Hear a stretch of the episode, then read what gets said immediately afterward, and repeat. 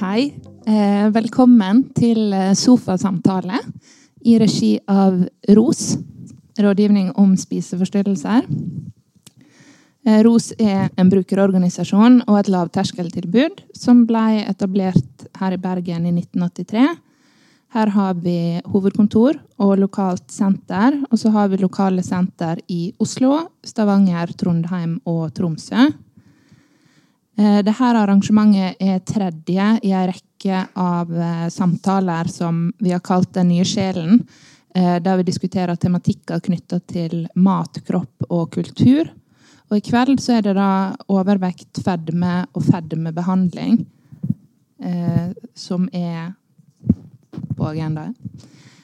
Jeg heter Marianne Håheim. Jeg jobber som interessepolitisk rådgiver i ROS, og jeg skal lede den samtalen.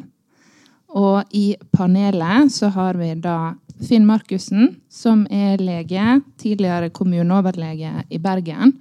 Og nå jobber med folkehelse og livsstil knytta til Frisklivssentralen.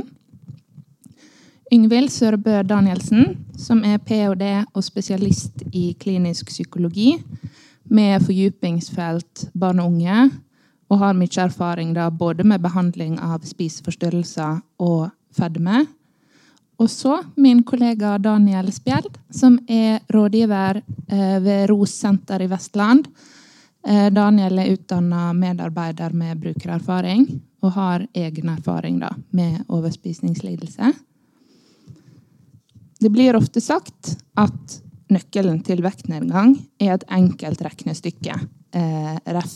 tittelen på, på denne samtalen.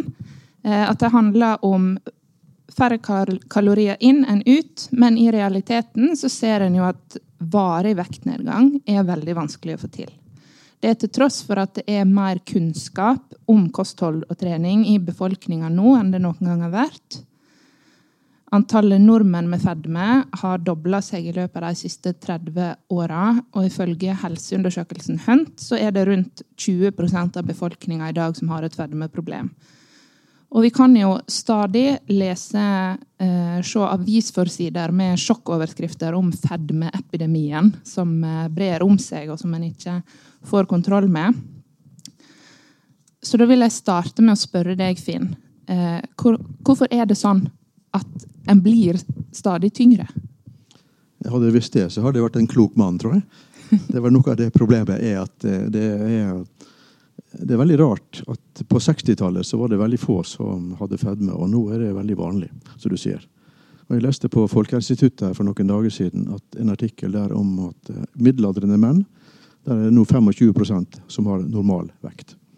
Og det, Da er jo de normale i, i mindretallet. Det er jo veldig rart. Og Det er ikke bare i Norge dette skjer, det skjer jo over hele verden. Ikke i alle land, men i, i alle verdensdeler skjer det i hvert fall. Og, og de går på en måte i takt. Og, no, og mange land er det jo veldig mange som har fedme. Og 40-50-60-70% har, har fedme. Og det er jo, jeg tror ikke det er noen som vet hvorfor dette skjer egentlig over hele, hele verden. Men det er mange teorier. da. Og Én teori er selvfølgelig dette med maten. da. At den, er mer tilgjengelig kaloritett mat enn tidligere. Og mer prosessert mat, mer ultraprosessert mat. Det er noen som har fundert på dette med mat som er så endra i fabrikken at den ikke ligner på, ligner på, noe som man finner i naturen. Men, men, at det er noe helt annet. At kanskje det har en annen virkning på kroppen enn en mer tradisjonell mat. Og noen tenker på dette med at vi har mindre behov for å bevege oss. Vi kan ta buss og kjøre mer bil. Vi har mer penger til sånt. Og vi har robotgressklippere og sånt. Alt mulig rart. Og noen tenker på helt andre ting. Jeg leste om eh, en av disse her i landet som har veldig mye fedme. Nauru. Det, jeg vet ikke hvor det er, men det er en øygruppe i Stillehavet, tror jeg. Det er 70% fedme. Der står det forklaring. Hvorfor er det så mange her, da? Det skal jeg lese opp her. Jeg har en jukselapp. som du ser. Med rikdommen som kom på 1970-tallet, kunne nauruene spise seg mer enn mett. De gikk fra tradisjonelt kosthold til vestlig kosthold og mer til mer kalorier og mindre næring. Og Pga. det ble også genene forandret. Ja, så det, Da har du flere ting. Altså Du har både vestlig kosthold. Det betyr jo da i praksis USA i den sammenhengen. da. Og, og dette med, også dette med prosessert mat, som de begynte med på den tiden. Da. Og, og um, også dette med globalisering, som noen har skrevet noe om. Kanskje dette med at det skjer forskjellige steder i verden. At det på en måte det er et eller annet som eh, Enten kosthold eller, eller levemåte eller noe annet som, som, på en måte endrer seg. Så er det noen som har regna på dette her. Hva, det var en uh, serie på NRK som dere sikkert husker om om uh, vekt og sånne ting. Og, og da um, en av artiklene som de brukte, den har jeg sett. og Der var det et, et amerikansk forskning som påstår det at en mann som spiser like mange kalorier og har samme aktivitetsnivå som på 80-tallet, vil i dag ha veid sju kilo mer. Selv med samme kosthold og samme Og da mener de at da har det noen faktor X. Noen andre ting enn bare kosthold og aktivitet. Noe andre som har skjedd, som man påstår at en kalori på 1980-tallet er ikke det samme som en kalori i 2021. Men der er det jo som sier, de, de som vet dette, skjønner dette, her, de må være kloke. Um, så er det andre, Jeg har sett mange andre delforklaringer også, bl.a. at vi har høyere innetemperatur. Det kan jo gjelde i Norge, kanskje, men ikke neppe på Nauru. Men hvis vi har høyere temperatur, innetemperatur, så vil jo da basisforbrenningen gå ned. Slik at nå når vi har så høye strømpriser, så har vi kanskje mulighet til å senke temperaturen og øke forbrenningen. Men svaret er da altså at det er egentlig det er ingen som vet det. Ja, det er sammensatt. Jeg, jeg, har lest et sted, jeg bare leste den. Verdens fedmeepidemi kan neppe skyldes at store deler av klodens befolkning plutselig har bestemt seg for å spise mye mer og bevege seg mindre. Nei. Det er ikke det. Men altså, det her blir jo ofte omtalt i litt sånn uh, med, med, sjokk og altså her uh, det her får vi ikke kontroll på, en kaller det for en epidemi osv. Men hvor, hvor farlig er det egentlig med overvekt og fedme? Ja, si det. Du kan jo skille sikkert mellom, mellom eh, overvekt og fedme i seg sjøl. Og så har vi jo sett der som jeg jobber, at det er jo ikke, og det har sikkert alle andre sett, at fedme og overvekt kommer ofte ikke alene. Det er ofte mange andre ting som, som følger med. Slik at du har, du har en sånn type ledsagerfenomener. Enten noe som ledsager fedme, eller som ledsages av fedme. Og det tredje er jo hva man tenker om sin egen vekt. Og alt dette er jo noe som har betydning for, eh, for, eh, for helsen. Da. Hvis man tar bare, bare mm, vekten i seg sjøl, så er det iallfall sånn statistisk sammenheng og sikkert årsakssammenheng mellom, mellom fedme og diabetes 2. Og ikke nødvendigvis sånn at man får diabetes av å være har fedme. Men, men i en gruppe med, med, med, fedme, så er det Jeg tror at de som har diabetes 2, så er det vel 80-90% som har fedme. Men ikke motsatt. Altså De som har fedme, så er det vel bare 20% som har diabetes. Så det er ikke sånn, det er ikke sånn at det er likt, likt mellom dem. Så det er sånn, Ellers er det vel de vanligste, de vanligste problemstillingene går vel mer på muskel-skjelett. Mm. Altså at man får vondt i vektbærende ledd.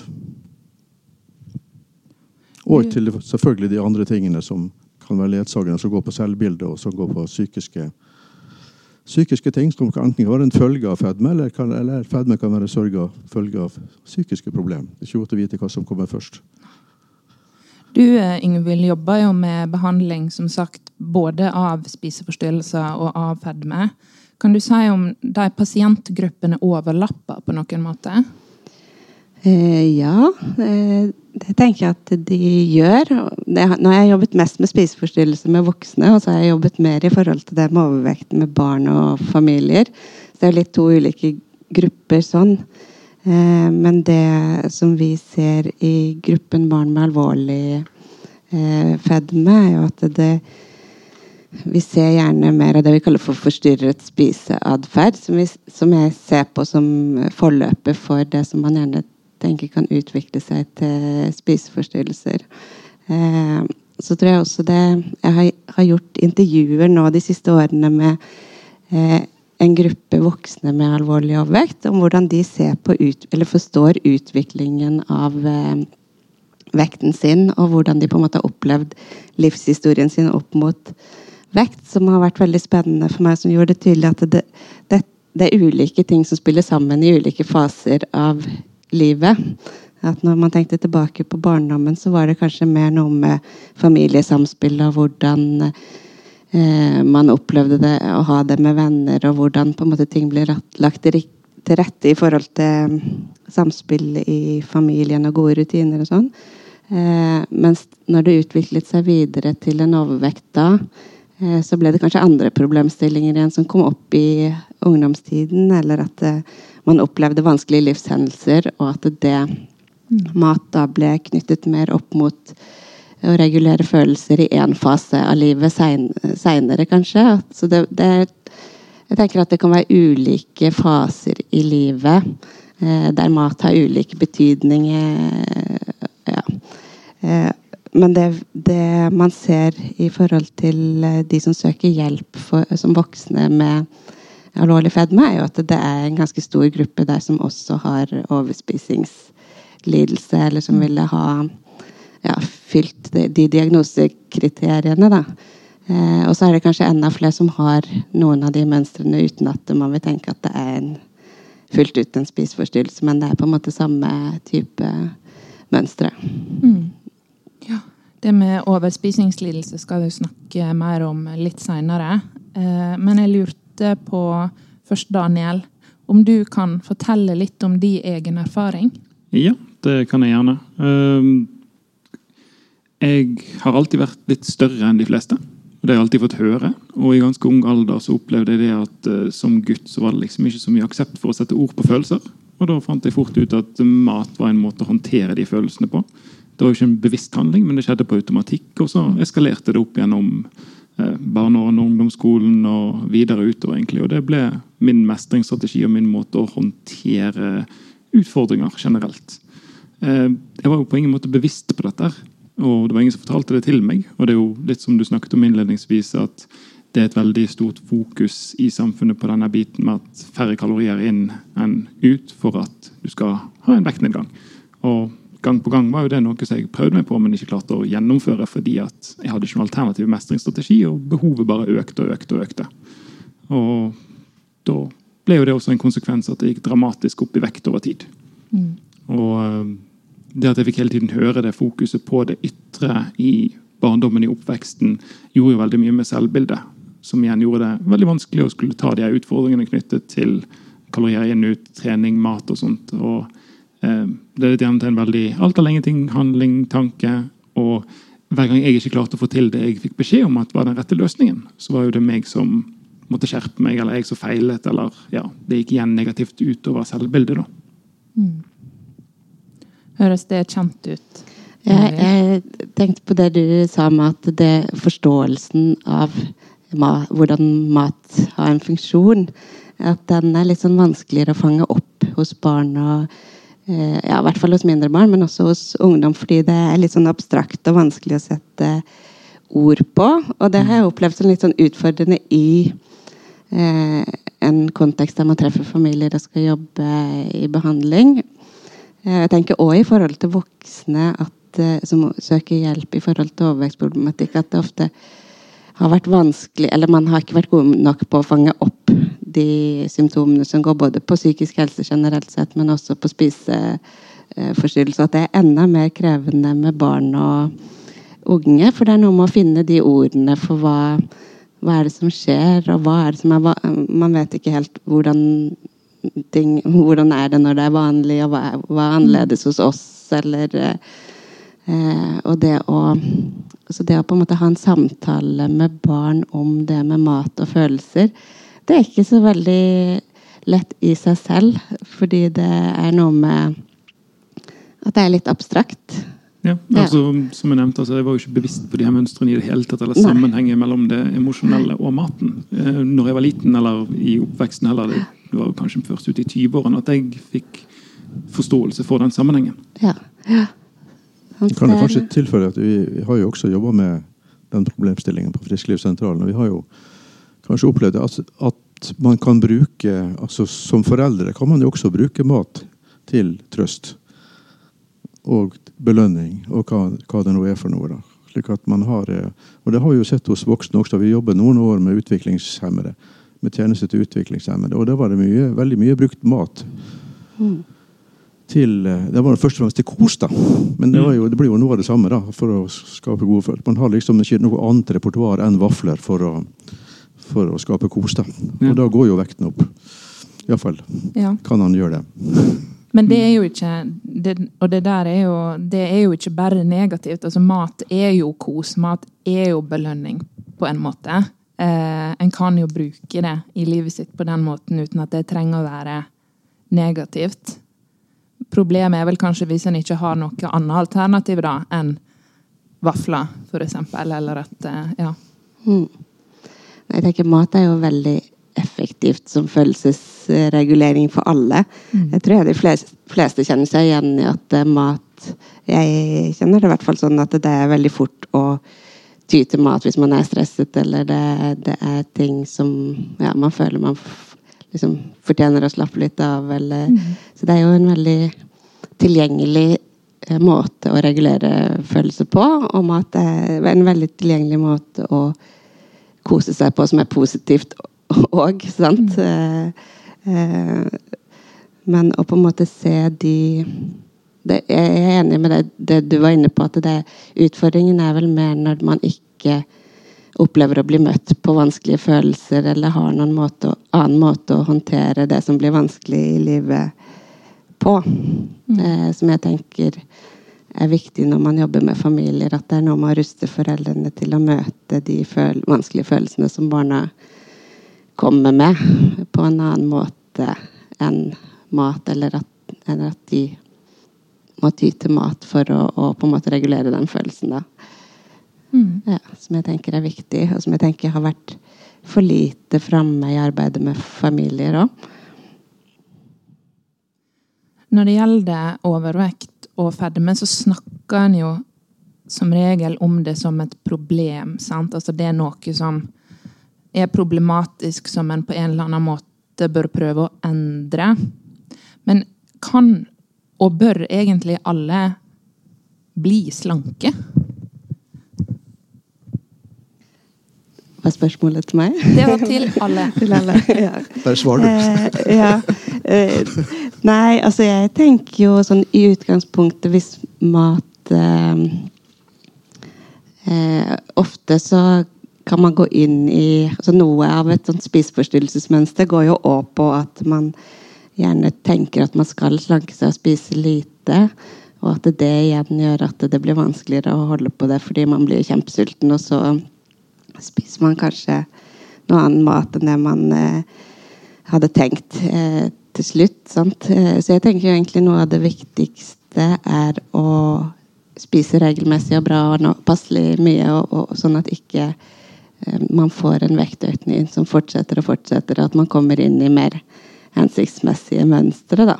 At det ikke og egentlig innenfor spiseforstyrrelsesbehandling så vil man jo da tenke at det viktige er å holde vekten. At det er en egentlig litt risikofaktor for å ikke klare å komme ut av de mønstrene hvis man skal gå ned i, i vekt. Så da, da ville man gjerne tenke at målet er å prøve å holde en stabil vekt. At det ikke er, er noe hensiktsmessig å prøve å gå ned eh, for den gruppen. Og i forhold til barn nå, så vil man jo tenke at vekt Hvis ikke man har en veldig høy vekt som er en stor helsefare forbundet med, at det man vil jobbe med å prøve å liksom stabilisere og holde stabilt og komme inn i gode vaner, sånn at man kan ha en stabil vekt. da.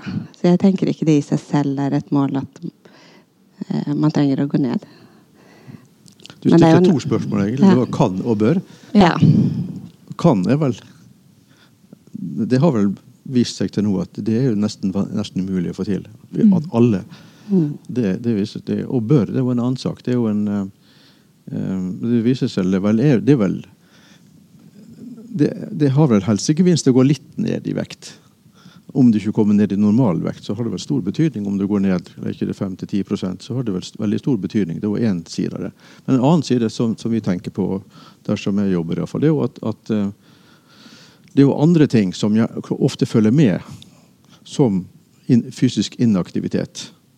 Så det går an å være fysisk aktiv selv om man altså, selv, ikke tenker på vekten, men tenker på fysisk aktivitet som, som, som noe i seg sjøl. Og dette med å klare å mestre problemer på en annen måte enn mat. Det er også noe man kan, kan jobbe med. Og også andre ting, sånn som sosial deltakelse og, og ja, for så vidt det å spise sunt òg. Selv om man ikke går ned i vekt, så vil jo det ha betydning for helsen. Mm. Så du kan, du kan tenke at du kan gjøre en del andre ting for å, for å styrke helsen. Og ikke nødvendigvis bare satse på det ene kortet. At man skal gå ned i vekt og bli normalvektig. Det er det eneste som teller i livet. Så jeg tenker at Det er andre ting som også har veldig stor betydning for helsen. Ja, og det er jo nettopp det at sant, en, kan, en kan få store helsegevinster eh, med livsstilstiltak uten å gå ned i vekt, men det er liksom det at vekt og helse er så knytta sammen for så mange. Eh, at det er vanskelig å tenke at det ja, skal kunne være, ting skal kunne være gunstige hvis det ikke fører til at en går ned i vekt. da. Eh, men at en ja, gjerne må jobbe med å skille dem fra hverandre. At vekt, vekt og helse er ikke det samme. Jeg har litt tro på dette her eh, punktet også, hva du tenker om din egen vekt. Og dette med som går på eh, aksept, er også en måte å, å takle belastninger på. Hvis, hvis, nå, hvis nå vekten er en belastning sånn dobbel, i dobbel forstand. At man, hvis man er veldig misfornøyd med sin egen vekt, så vil jo det være en kronisk stressfaktor som igjen vil kunne påvirke både psykisk helse og, og fysisk helse i seg sjøl. Så dette med å være noenlunde fornøyd, som han Per Fugelli sa, noenlunde fornøyd med seg sjøl, det er en bra ting. Ja, jeg tenker Det er viktig å ta opp der i forhold til verdi. rett og slett. At man ikke anser seg selv som verdifull pga. vekten. At man klarer også å skille det fysiske kroppen fra sin egen selvverdi. Ja. Og Når man klarer å gjøre det, så kan man heller ta de avgjørelsene i forhold til vekten basert på det som er helsefremmende. Ikke det at nå må jeg gå ned i vekt fordi at da har jeg en høyere verdi for andre mennesker. Det tenker jeg er et veldig viktig poeng. At det er noe med hvis verdien er knyttet opp til vekten og det å skulle mestre og gjøre ting rik riktig, eh, så blir det noe Det er et helt annet utgangspunkt å ta valg basert på. Mm. så er jo det her eh, veldig komplekst, som, eh, som du snakka om innledningsvis, Finn. Og så vet en jo at overvekt og fedme kan ha sammenheng både med belastende livserfaringer, med fattigdom og ulikhet, eh, for ikke å glemme genetikk, da. Eh, Så her er igjen et spørsmål til alle. Individualiserer en her problemene i for stor grad? Burde en ha mer fokus på eh, tiltak på samfunnsnivå, i stedet for at individet må endre, endre seg, endre vaner? Den ene burde ikke utelukke den andre. Begge deler burde jo eksistere, men at det er rom for begge deler. da. At man tenker på et samfunnsnivå, så burde vi tilrettelegge for at det skal være lettere å forholde seg til, lettere å snakke om de utfordringene knyttet til f.eks. de traumene du tar opp, at det er noe som kan gjøres noe med. Samtidig som at det er rom for individet å gjøre de tingene som de trenger for seg sjøl.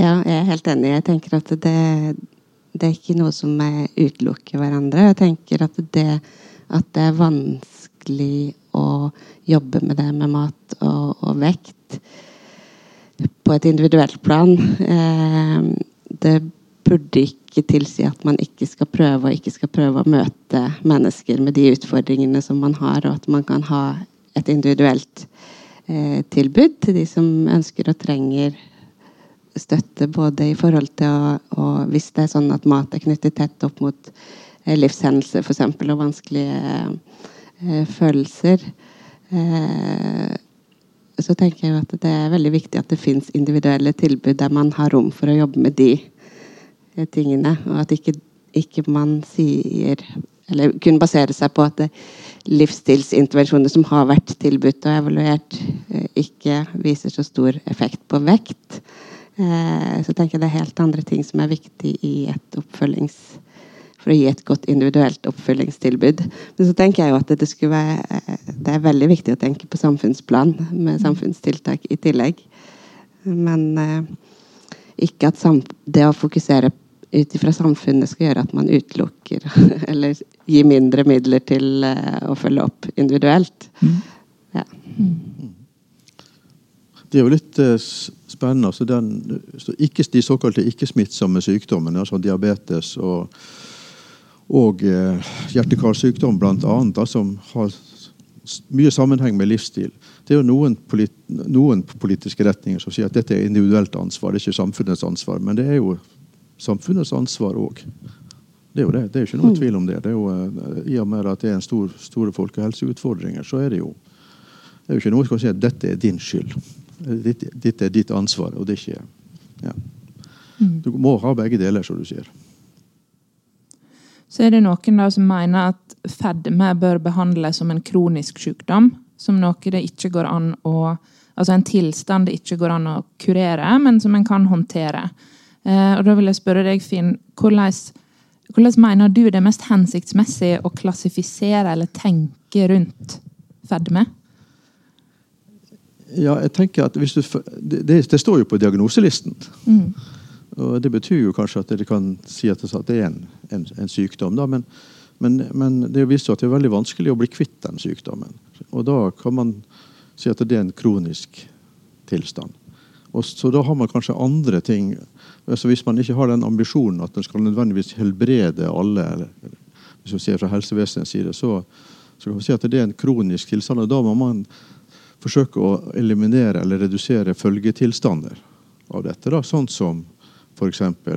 Eh, tilknytning til arbeidslivet, eller eh, dette med psykisk helse, og dette med mestring av belastninger, og dette med altså andre ting som, som ofte følger med. da. Ensomhet er en, en, en, eh, en ting som eh, hos noen følger med. Og ensomhet står jo faktisk på en av de topp tre eh, til- tiltaksområdene innen folkehelse i Norge. Og dette med å bidra til sosial deltakelse og sosial aksept og sånne ting, det, det er jo noe som man kan gjøre hvis man kaller det en kronisk sykdom som man ikke nødvendigvis blir kvitt, men noe som man må leve med. Så er det mye man kan gjøre. Så det kan være gunstig å tenke på det som det, kanskje. Og da tar man vekk dette her, som vi sa i sted, her, den eneste suksessfaktoren i forhold til eh, fedme, det er at man blir normalvektig. Og da har man tapt, syns jeg. Hvis man tenker sånn. Kan du si noe om eh, hva tilbud Frisklivssentralen har for eh, personer da med overvekt og fedme? Ja, Vi er jo en, en tjeneste som først og fremst eh, jobber med helsefremming og eh, livsstil og mestring. Og vi, vi, I det arbeidet så jobber vi ikke diagnosespesifikt. De fleste som kommer til Frisklivssentraler, viser det seg at de har en, eller annen en eller flere diagnoser. Og de har ofte eh, store belastninger. Men vi, har, men, vi, men vi jobber ikke på den måten at vi sier vi har ett tiltak for overvektige og et, et, et annet tiltak for den gruppen. et annet tiltak for den gruppen. Men vi, men vi har en del tiltak som, som vi, mener er helsefremmende. altså gjør folk sterkere. Og et av de er jo det, Noe av det beste vi har begynt med, tror jeg, det er kognitive kurs og kognitiv tilnærming i individuelle samtaler. Der vi forsøker å, å jobbe med noe av det som vi forstår at du tenker på. Dette med hvordan kan du håndtere følelser på en annen måte enn mat, eller for så vidt røyk, eller alkohol. altså Det er andre måter å gjøre dette på. Eh, Så det, det er den, kanskje den måten vi, eh, vi har mest suksess på. Og vi opplevde, det var det da vi begynte med dette, at, at eh, det blir enklere å få til livsstilsendring òg. Hvis, du- hvis du tok denne biten først. Så det er en måte vi jobber på. Så jobber vi selvfølgelig med fysisk aktivitet. Og det tenker vi at fysisk aktivitet er jo da mer enn kalorier ut, viser det seg. Det er faktisk noe som kan eh, gi eh, både positive opplevelser, både fysisk og psykisk og sosialt. Og vi, eh, vi, det var kanskje de to, to viktigste tingene vi gjør. Og, eh, og da skiller vi ikke mellom mellom overvektige og andre. Så begynte vi altså, si det, I 2012 så starta vi Frisklivssentralen. og Da starta vi med overvekt og fedme. Spesielt hos barn hadde vi tenkt at vi skulle jobbe med. det.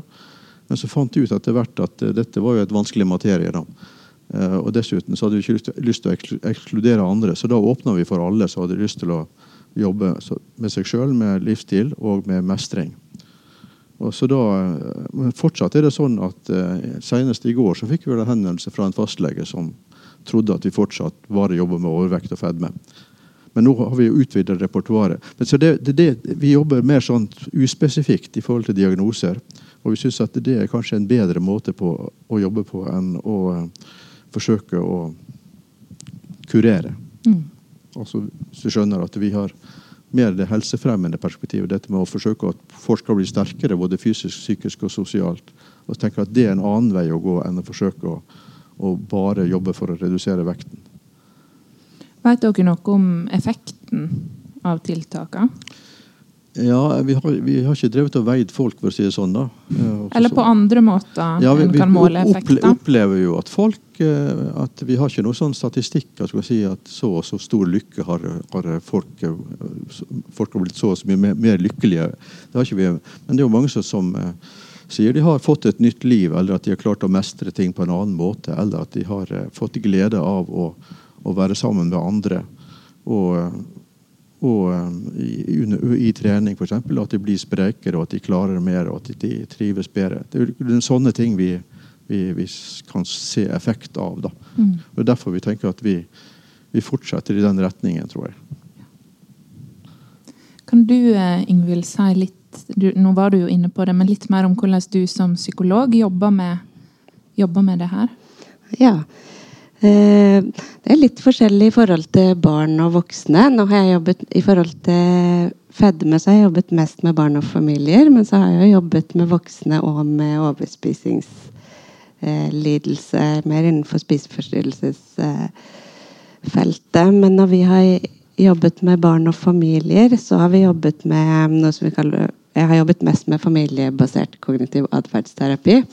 Eh, som betyr at vi jobber med hele familien sammen. Og det vi jobber med, de, med da, er eh, kommunikasjon innad i familien og det å lage gode rutiner hjemme og få god kommunikasjon mellom barn og foreldre. Og prøve å ruste foreldrene til å møte barnas følelser på en god måte. Og, etablere regelmessige rutiner for mat og måltider. Eh, sånn at man spiser nok og jevnt eh, gjennom dagen av bra bra mat. Da, og også eh, jobbet med familien i forhold til andre rutiner knyttet til søvn og fysisk aktivitet og det å gjøre kjekke ting sammen. Så vi, vi jobber mer da ut ifra familiesystemet eh, og hvordan eh, man kan ruste foreldrene til å, å møte barna og støtte dem på gode måter og etablere gode rutiner i hjemmet. da. Eh, når jeg jobb, har jobbet mer med voksne med overspisingslidelse, så har jeg jobbet både ut ifra kognitiv terapi og emosjonsfokusert eh, terapi. Og det er litt ulike måter, men jeg tenker at sammen så er det et ganske godt eh, eh ja, god, god, et godt tilbud. Og de utfyller hverandre, mm. de tilnærmingene. Innenfor eh, kognitiv atferdsterapi så jobber man mer med det med selvbildet, hvordan man vurderer sin egen verdi, og hvordan det er knyttet opp mot kropp, og løsrive det eh, fra kropp. Og også med å etablere regelmessige eh, måltider og gode vaner for mat som gjør at man holder en stabil vekt. Så da jobber man på en måte ut ifra å lage gode rutiner for mat og, og spising. Eh, men også hvordan man tenker, og hvordan mye med selvbilde og hvordan selvevaluering henger sammen med mat og spising. Og, eh, og innenfor emosjonsfokusert terapi der jobber man mer med å gå inn i det med følelsesregulering og, og jobbe med å ja, bearbeide vanskelige følelser da, på ulike måter. Eh, som også eh, Ja. Mm.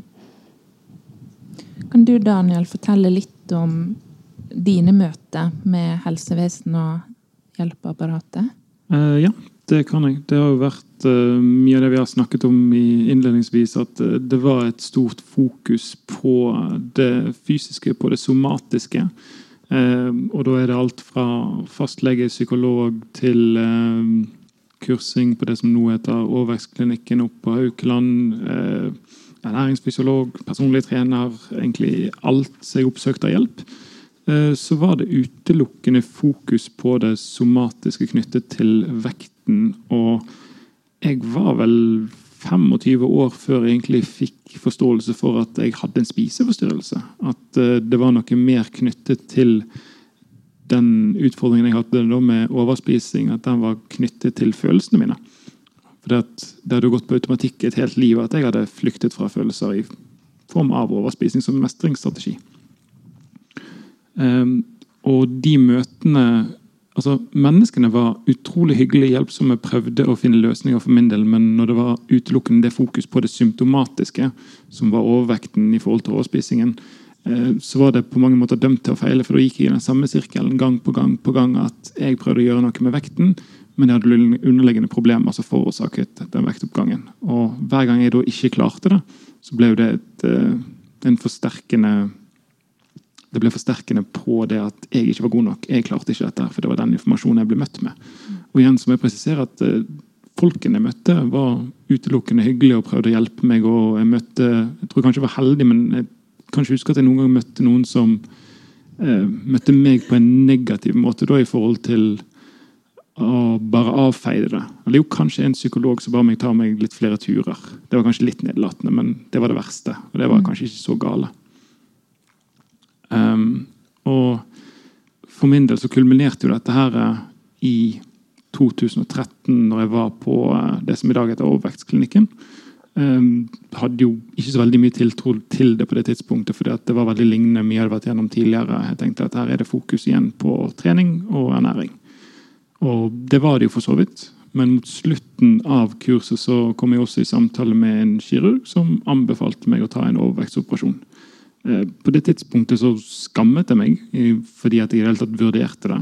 Fordi at Da måtte noen eksterne inn og fikse meg. Det var igjen en bekreftelse på at jeg var ikke god nok. Dette fikser jeg ikke. Eh, på den andre siden så ga det meg på mange måter håp. For jeg tenkte nå skal jeg endelig bli tynn. Da skal jeg få mer verdi, og jeg skal bli lykkelig. Som var den tanken jeg hadde hatt siden jeg var kanskje åtte-ni år gammel. Eh, så jeg endte opp med å ta den operasjonen. Og um, fløy ned i vekt. Fikk veldig mye ekstern validering, positive kommentarer på hvor flink du er, hvor dyktig du er, hvor bra du har jobbet. Og det var jo det jeg hadde cravet veldig lenge. Det føltes godt ut. Samtidig så var det jo et eller annet som rett og slett ikke stemte. Men jeg var jo ganske mye fornektelse også fordi at dette hadde jo vært løsningen så lenge jeg kunne huske. Um, kanskje et halvannet år etter operasjonen. Da hadde jeg uh, gått ned uh, over halvparten av kroppsvekten min. Var på det tidspunktet uh, ganske undervektig. Um, jeg hadde erstattet min mestringsstrategi, som var mat, med alkohol. Uten at det var en bevisst handling, men jeg oppsøkte da alt jeg kunne av sosiale sammenhenger var akseptabelt å drikke alkohol, og det ble alltid for mye. For det, det var en flukt. Jeg måtte komme meg vekk fra følelsene mine, som jeg fremdeles ikke kunne regulere. Og jeg husker Det at det var ca. et halvannet år inn at jeg sto og så meg i speilet og så at nå var jeg for tynn. Samtidig som det var en stemme bak i hodet mitt som skrek at nei, se, der er noe feil med deg. Der er du feit. Der er du ikke god nok. Uh, instinktet mitt var å finne meg en flaske med et eller annet og flykte klarte heldigvis å skjønne at det er en dårlig idé. Fikk utsatt eh, de tankene og overlevde til morgenen da jeg kontaktet fastlege eh, og forklarte litt om utfordringene. og Da ble jeg henvist til DPS. Eh, tok litt tid å komme til, selvfølgelig, men hadde oppfølging av fastlege mens jeg ventet på å komme til. Og når jeg da kom til DPS-en, så fikk jo jeg litt det dere snakker om begge to, den her kognitive terapien litt mer forståelse for hvorfor jeg gjorde det jeg gjorde. Og fikk jobbet mye med den lave selvfølelsen, den lave selvtilliten. Og jobbet mye med det å skille verdien min som menneske fra kroppen min. Ikke bare det reelle, hvordan kroppen min så ut, men hvordan jeg tenkte om kroppen min. og ikke minst. Uh, og ja, Det er jo veldig mange forskjellige verktøy man kan bruke for å oppnå de tingene, og det er jo veldig individuelt hva som fungerer for person til person. Men det var den bevisstheten som var kanskje nøkkelen i begynnelsen. Bare å forstå hvor elendig jeg faktisk behandlet meg sjøl. Mm. Og det tillot meg å begynne å skape den endringen, da. Mm. Kan jeg stille spørsmål til ja. Jeg bare lurer på, Når du tenker tilbake, for du snakket jo litt om ungdommen og den perioden. hva kunne vært godt for deg i den perioden fra helse... Jeg har tenkt en del på akkurat det der. Og det er vanskelig å svare på, for jeg husker jeg gikk til legen når jeg var type 12-13 fordi at jeg var litt overvektig. Men da fikk jeg beskjed om det. Det vokser han av seg. Og det var aldri noen spørsmål rundt maten, rundt hva som gjorde at jeg hadde det nærmest ustoppelige behovet for å spise. Så eh, gjennom jobben så har jeg snakket med noen også som er barna i den situasjonen, og prøvd å liksom være en guide i forhold til å skape en connection mellom følelsen og maten. At de skal få en forståelse for det, slik at de mm. kan kanskje finne litt innsikt sjøl i det. Og så jobbe med å finne alternative måter å mestre og møte de følelsene på. Mm. Og kanskje det var det jeg hadde trengt. Kanskje det hadde vært veldig greit ikke kanskje det hadde vært veldig greit hvis det hadde vært mer tilgjengelig informasjon om dette. Mm. At det var noe som ble snakket om. For det, som sagt, Jeg var oppe i 20-årene før noen nevnte dette for meg en gang. Ja. Og da hadde jeg vært gjennom ganske mye når det kommer til helsevesenet. Det var ingen som noen gang hadde tenkt du har en spiseforstyrrelse. Eller du sliter med overspising. Hvorfor? Hva føler du når du gjør dette? Mm. Det var det aldri et spørsmål om før etter eh, muligheten min for overspising effektivt sett var eliminert. Det var først da jeg fikk forståelse for det. Ja, så det hadde vært godt at noen hjalp å sette ord på noe av dette, eller var nysgjerrig på hvordan det var for deg? Ja, å bli møtt på eh, den mentale helsen på det emosjonelle nivået. da. Mm. For at igjen, det var et utelukkende fokus på eh, det somatiske.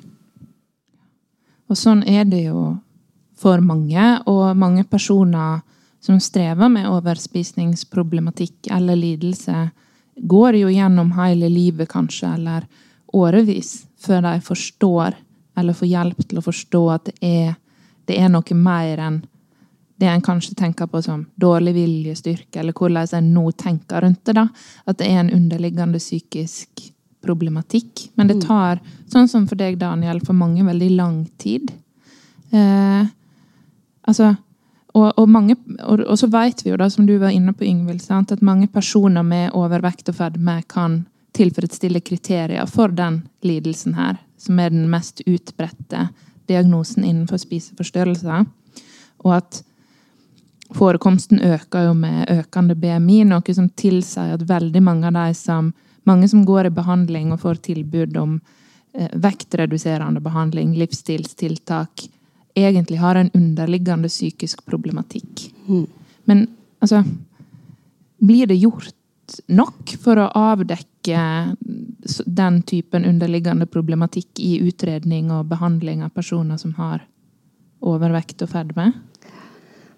Jeg tror ikke det har vært sånn at det har vært nok fokus på og gode, ja, gode nok eh, måter man har gjort det på i, i, helsesystemet. Jeg tror det har vært veldig mangelfull utredning i forhold til psykisk helse og spiseforstyrrelser over mange år. Så tror jeg det er en endring nå, at det er et økt fokus, at det, at det blir bedre. Men eh, jeg tror det går, går, både på at man ikke har hatt så mye kunnskap om det, kanskje. Mm. Eh, og også at det ikke har vært en del av utredningen systematisk. Og det går nok kanskje litt på at det, de tilbudene, i hvert fall i sykehusene, har ligget under medisinsk avdeling, f.eks. på Haukeland. Og at det, det har ikke vært så sterkt psykologisk fokus inne, egentlig. Eh, at det er noe der mm. med organiseringen, rett og slett. Og hvordan, eh, som gjør at det Ja, det har gått sakte å utvikle det på en god måte. Ja, jeg kan ta fram et eksempel her i forhold til at det var i 2013 at eh, jeg var på det som i dag heter Overvekstklinikken. Og jeg har jo snakket med en god del som har gått der, eller som går der i etterkant. Og det er dessverre veldig mye det samme fokuset. Det eksisterer nå eh, tilbud når det kommer rundt eh, mental helse også, og at de faktisk er observant på dette når det kommer til overspising, at det burde gjøres noe med. Men forbi det at de kanskje får et råd eller tips, så er det ikke noe oppfølging rundt det. Så veldig mange som har oppsøkt hjelp pga. dette, her får beskjed om at ja, det burde dere gjøre noe med. Ok, hva da? Nei, det vet vi ikke nødvendigvis. Og der har vi opplevd at mange har blitt henvist til oss, bl.a. på ROS. Mm. Kan du fortelle litt mer, Daniel, om For du møter jo brukere som strever med, med overspisningsproblematikk. Hva, hva, er det de forteller? Eh, det er skremmende mye likt det jeg sier. Altså, det uttaler seg selvfølgelig forskjellig fra person til person, men et gjennomgående tema er den lave selvfølelsen, lave selvverdien og en veldig fastlåst tenking som går på dette med å skulle slanke seg. Og at da vil verdien øke. Mm. Um, og det er jo vanskelig å skulle prøve å formidle eller stoppe noe sånt, for det er et spor, det er et mønster som har gått på automatikk kanskje så lenge man kan huske. Fordi at vi har jo et samfunn der man gjerne blir verdsatt for hvordan man ser ut, eller hvordan man presterer på det fysiske. Um, og veldig mange etterspør de tingene som dere snakker gjerne her om, at jeg skulle hatt litt mer eh, forståelse for det jeg sliter med, på et nivå som er mer enn det somatiske. Samtidig så de har vansker med å finne det. for Selv om de har kommet til hos f.eks. en psykolog, så er det lite fokus på maten knyttet til mm. mm. den psykiske helsen. Men da heller kun på depresjonen eller angsten. eller sånt, Men det må du finne noen andre som kan hjelpe deg med når det kommer til maten. Mm. Det er en beskjed dessverre veldig mange har fått. I eh, Frisklivssentralen, Finn, hvordan eh, hvordan er det med kunnskap om, om det med emosjonell spising og overspisning og overspisingslidelse? Jo mer det kommer inn i sykdomslæren, så jo mindre kompetanse har vi nok, tenker jeg. Men vi, vi kjenner jo godt til emosjonell spising. Det er jo noe av det vi møter hele tiden, egentlig. Og, men hvis det værer at det her er noe mer enn det, med det overlige sykelige, så så ber vi de kontakte, kontakte dere i praksis. Så vi har ikke noen, vi har ikke noen sånn eh, medisinsk institusjon som utreder eller graver i dybden, eller sånn, men vi, vi snakker jo med folk. Og av og til så, så, så dukker det jo opp eh, ting som fastlegen ikke ante noe om. Mm. Det er det faktisk. Det er det. Så det er jo en, eh, og eh, Bare for å referere til en av de siste henvendelsene vi fikk nå. Da var det bestilling fra fastlegen å gå ned i vekt. Så er det ikke noe annet. Så da får vi nå se da, om det er noe annet. Ja. ja.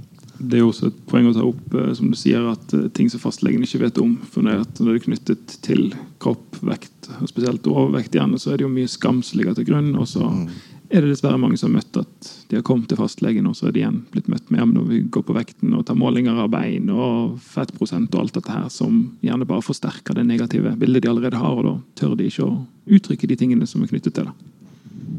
Mm.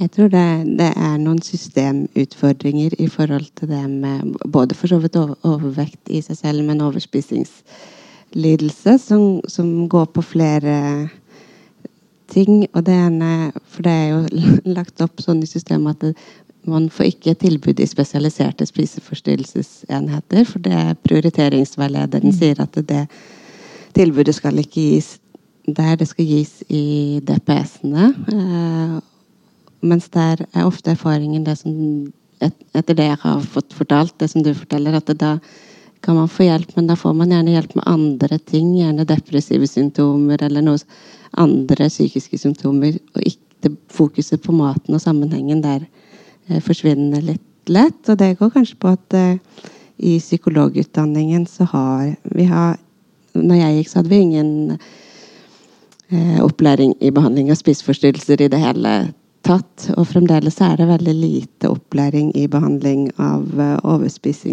overspisingslidelse spesifikt på psykologutdanningene. Eh, så gjerne de som sitter og jobber på DPS-er, har ikke hatt så mye trening i å jobbe med det, eller oppdage det, eller um, tematisere. Så det er noe med at det Og fastlegene har kanskje heller ikke så godt kjennskap til diagnosen i seg selv, eller hva det innebærer. Så det er noe med at det, det har ikke vært Systemet har ikke vært godt i forhold til verken å fange opp dette eller å vite hvordan man kan gripe det fatt på en god måte, eller møte det på en god måte. Tror jeg. Tror jeg. Mm. Ja. Det stemmer overens med veldig mange som jeg har møtt, at uh, de har kommet i behandling og fått beskjed om at nei, det har jeg ikke kompetanse på. Ja.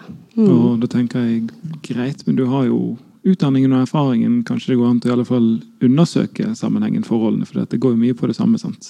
At, jeg vet ikke det er akkurat som det er en vegring fra det at uh, nei, dette har ikke kompetanse på, da kanskje vi gjør noe med det. Jeg tror kanskje det er litt sånn at det, mm, det er noe som jeg kjenner igjen. Mm. Men tror du For det her er jo en um, Overspisningslidelse er jo en spiseforstyrrelsesdiagnose, og den er eh, ti ganger mer utbredt enn anoreksi. Eh, det er òg den diagnosen med likest kjønnsfordeling. Eh, ganske likt mellom kvinner og menn. Og så, så, er det, så er det så utbredt og så er det så lite kunnskap og så få behandlingstilbud. Eh, det, altså blir, blir denne spiseforstyrrelsen tatt mindre på alvor enn andre typer spiseforstyrrelser, tror du? Jeg tror kanskje det har vært sånn, og det tror jeg går på flere ting. Jeg tror det går litt på at det er en ny diagnose, at man ikke har fått så mye kjennskap og opplæring i forhold til det. Men så går det jo kanskje også litt på at det er så fort å se overvekten. Og at det blir det som blir fokuset, og man, man kommer ikke til det, det, knytt, det, som ligger bak, eller det som eh, ja, mm. det er knyttet til. Eh, det er kanskje enklere å jobbe med det konkrete, synlige, eller jeg, vet, jeg fant ikke helt noen god, en god beskrivelse, men det, det er noe med at overvekten er kanskje lettere å ta tak i for, den som, for en fastlege, eller ja. Mm. Det er der mesteparten av fokuset gjerne ligger. Da er det vanskelig ja. å få hjelp for kanskje som du sier, den underliggende spiseforstyrrelsen igjen da, også fordi at det ikke foreligger så mye informasjon om det ennå, siden det er såpass nytt. Ja. ja. Så er det jo òg Altså, det, det, er lett for mange da eh, å se overvekta først. Men så er det jo òg et spørsmål tenker jeg. Eller hva er det en ser når en ser ei overvekt? Hva er det en tenker da? Hva er det en tenker at det handler om? Mm. Eh, og en, en person som har etterlyst et paradigmeskifte innenfor ferd med behandling, er jo Kai Brynjar Hagen, som er overlege ved Regionalt senter for sykelig overvekt i Bodø. Eh, som, som, har tatt til orde for en mer traumesensitiv tilnærming. Fordi det er etter hvert mange studier som har pekt på sammenhengen mellom belastende eller traumatiske livserfaringer og overvekt og ferd med det. At mange, veldig mange har opplevd Har tunge ting med seg i bagasjen som, eh, som har sammenheng med, med overvekta. Er det, kan du si, altså Stemmer det, det bildet stemmer det overens med dine erfaringer fra terapirommet? Eh, ja, det vil jeg si. Og så tenker jeg det er jo viktig å holde opp at dette kan være veldig forskjellig for ulike mennesker. Det kan jo være ulike grunner til at eh, man har utviklet fedmen, men, men eh, erfaringen min fra terapirommet og også det, det jeg nevnte i stad med de intervjuene som vi har gjort med egentlig et tilfeldig utvalg av av mennesker med alvorlig overvekt, er at det er veldig mange som forteller om vanskelige livshendelser og utfordrende perioder i livet. At de, de som vi intervjuet, satt veldig klart disse hendelsene i sammen med overvekstutviklingen sin. Og at det, det var, har sett ulikt ut i ulike faser av livet, men, men de knytter disse vanskelige livshendelsene veldig sterkt til vekten. Eh, og det som ble veldig sterkt for meg òg når jeg satt i de intervjuene, var hvordan noen beskrev at kroppen eh, var akkurat som om man bar sårene sine utenpå. Eh, at kroppen ble på en måte eh, Det opplevdes som det synlige beviset på at man var verdiløs, eller eh, var blitt behandlet veldig nedverdigende gjennom livet. Så det, det, føltes veldig sårbart bare å gå ut og bli sett på, for det var akkurat som om sårene ligger utenpå, på en måte. Det gjorde veldig inntrykk på meg, de beskrivelsene der om hvordan kroppen blir så tett knyttet opp mot de spesifikke traumene på en måte, og representerer de. Mm. Uh, ja. Men hvordan kan en da i helsevesenet, når en nå vet mer om om årsakssammenhenger, og at overvekt, fedme, ofte, ofte henger sammen med f.eks. traumatiske livserfaringer, eller at det i alle fall ikke, ikke, kanskje gir mening å se på overvekt kun som en somatisk tilstand løsrevet fra livet for øvrig, og livsforholdene og livshistorikken for øvrig. Hvordan kan, en ta, altså hvordan kan en gjøre seg nytte av den kunnskapen i helsevesenet? Spørsmål til alle? Kan bare tilføye, Vi har jo sett det med barn også. at um, barn, altså Overvekten eller vektkurven steg etter det har skjedd noe i familien. Skilsmisse f.eks. Eller, eller andre ting, alvorlige ting som har skjedd i familien. Så det er jo, Man kan jo også se det ganske tidlig. Mm. At det er en sammenheng. Og da er jo en,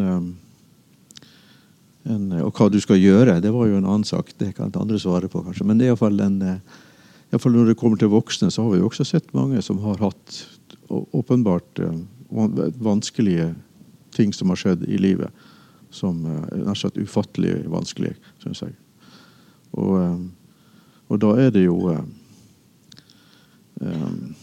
det er jo kanskje andre ting enn jeg tenker at det er kanskje andre ting enn vekten som kommer først. Mm. Ja, At vi altså går vekk ifra det ekstreme fokuset på det somatiske, den vekten, og ikke ser på nødvendigvis det som problemet, men symptomet på problemet. Eh, hvis jeg ikke husker feil, så var det i den eh, en studie de hadde gjort oppe i Tromsø, som han Kai Brynje refererte til, at det var 91% av alle som pleit med overvekt, hadde et enkelt traume eller livshendelse som var dramatisk, og over 50% hadde to eller flere. Og da sier du seg sjøl at der er det en sammenheng. At da må vi kanskje forhøre oss når vi snakker med disse menneskene som søker hjelpen, om at ok, kan du knytte dette til noe, kan vi finne ut hva det handler om, og så bevege oss ut ifra ok, hvis vi gjør noe med det og konsekvensene av det traumet, så er det kanskje lettere å forholde seg til vekten etterpå, når ikke det bare er et symptom. Mm. Hvordan vi skal gjøre det i praksis, er jo mye vanskeligere å svare på.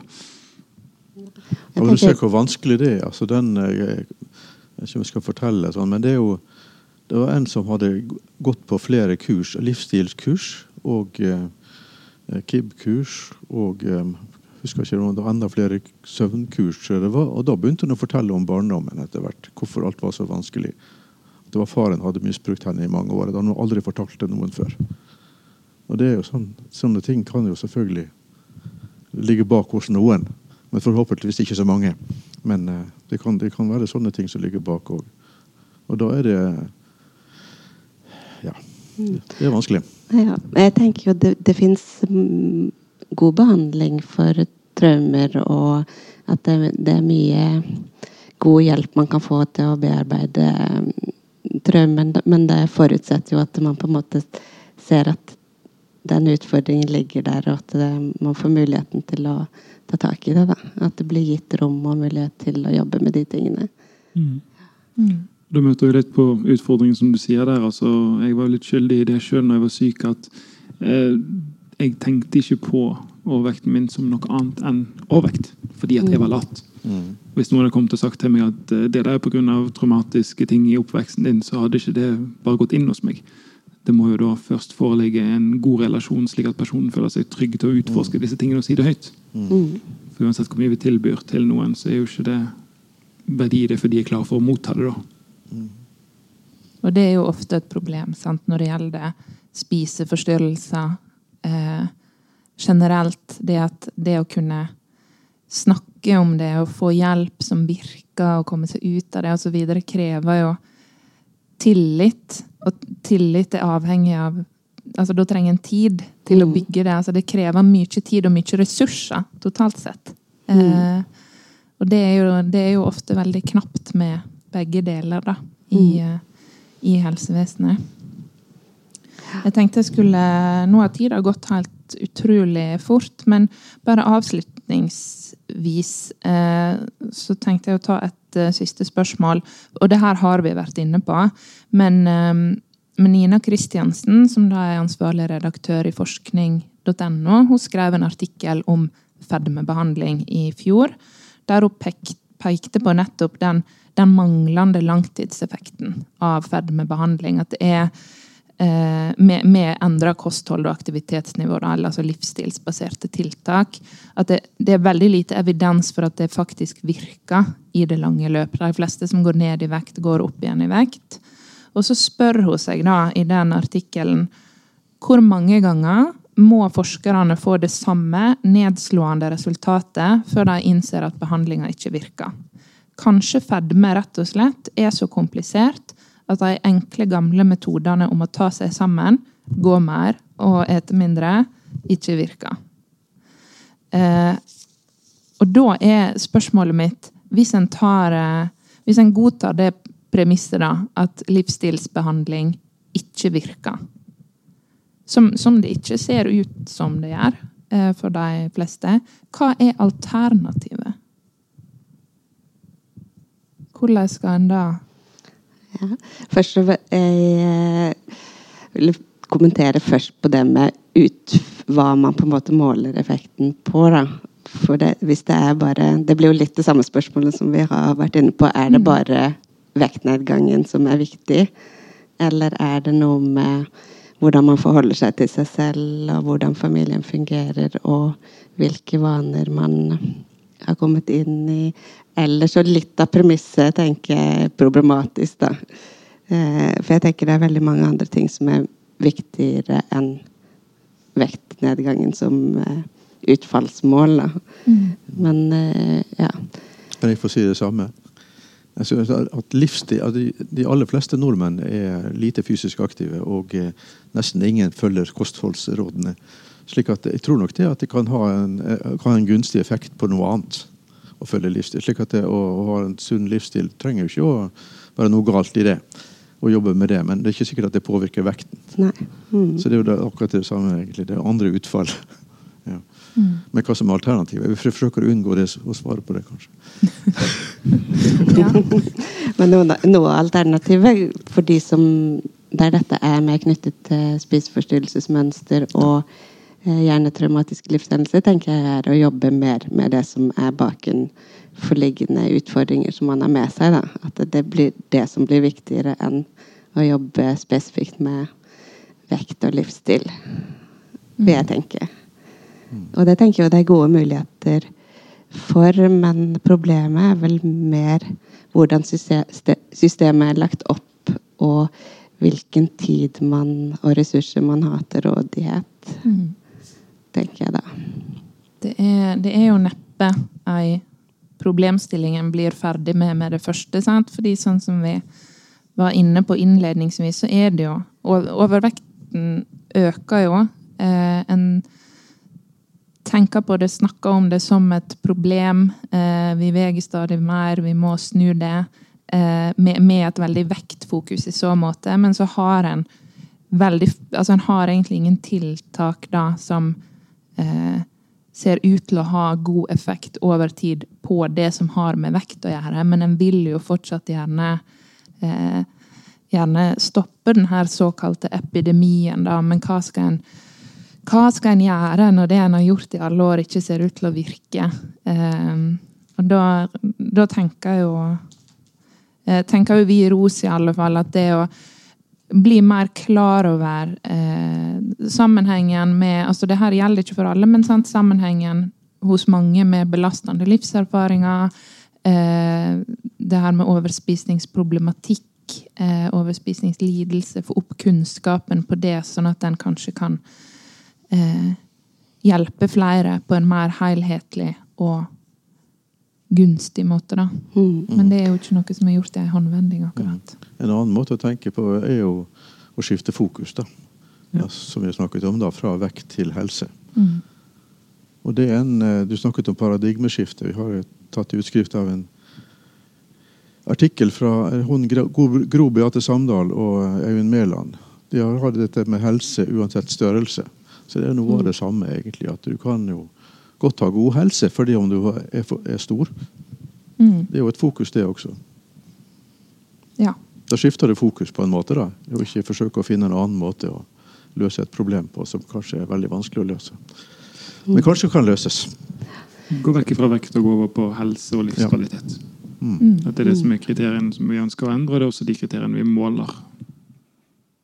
Da Så tenker jeg også I forhold til barn og familier så har vi gjort oss noen tanker med, med de familiene som vi har møtt i Jeg har jobbet mest i forskningsprosjekter, men med barn med veldig alvorlig overvekt. Eh, der det er veldig store belastninger i familiene.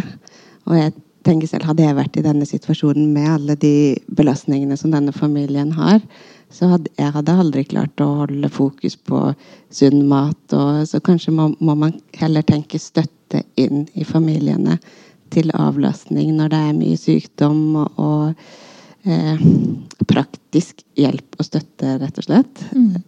Eh, som jeg vet, Vi har samarbeidet en del med Kristiansand og sykehuset der.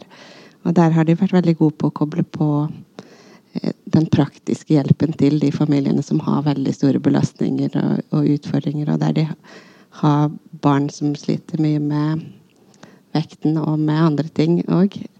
Men at det kanskje den praktiske støtten er vel så viktig som å kunne å komme til et behandlingsprogram der man snakker med noen og ja, jobber med livsstilsendring. Da, at det, det, den støtt, praktiske støtten er viktigere. Mm. Det blir nødt til å være siste ord, for nå er vi faktisk ett minutt på overtid. Eh, Men jeg vil si tusen takk til dere i panelet. Daniel, eh, Ingvild og Finn. Eh, Det ligger masse brosjyrer eh, på bordet ute i gangen om ROS og våre tilbud, og de må dere bare gjerne ta med dere. Og så eh, takk. Ja, takk til panelet. Takk til alle som kom, og eh, vel hjem.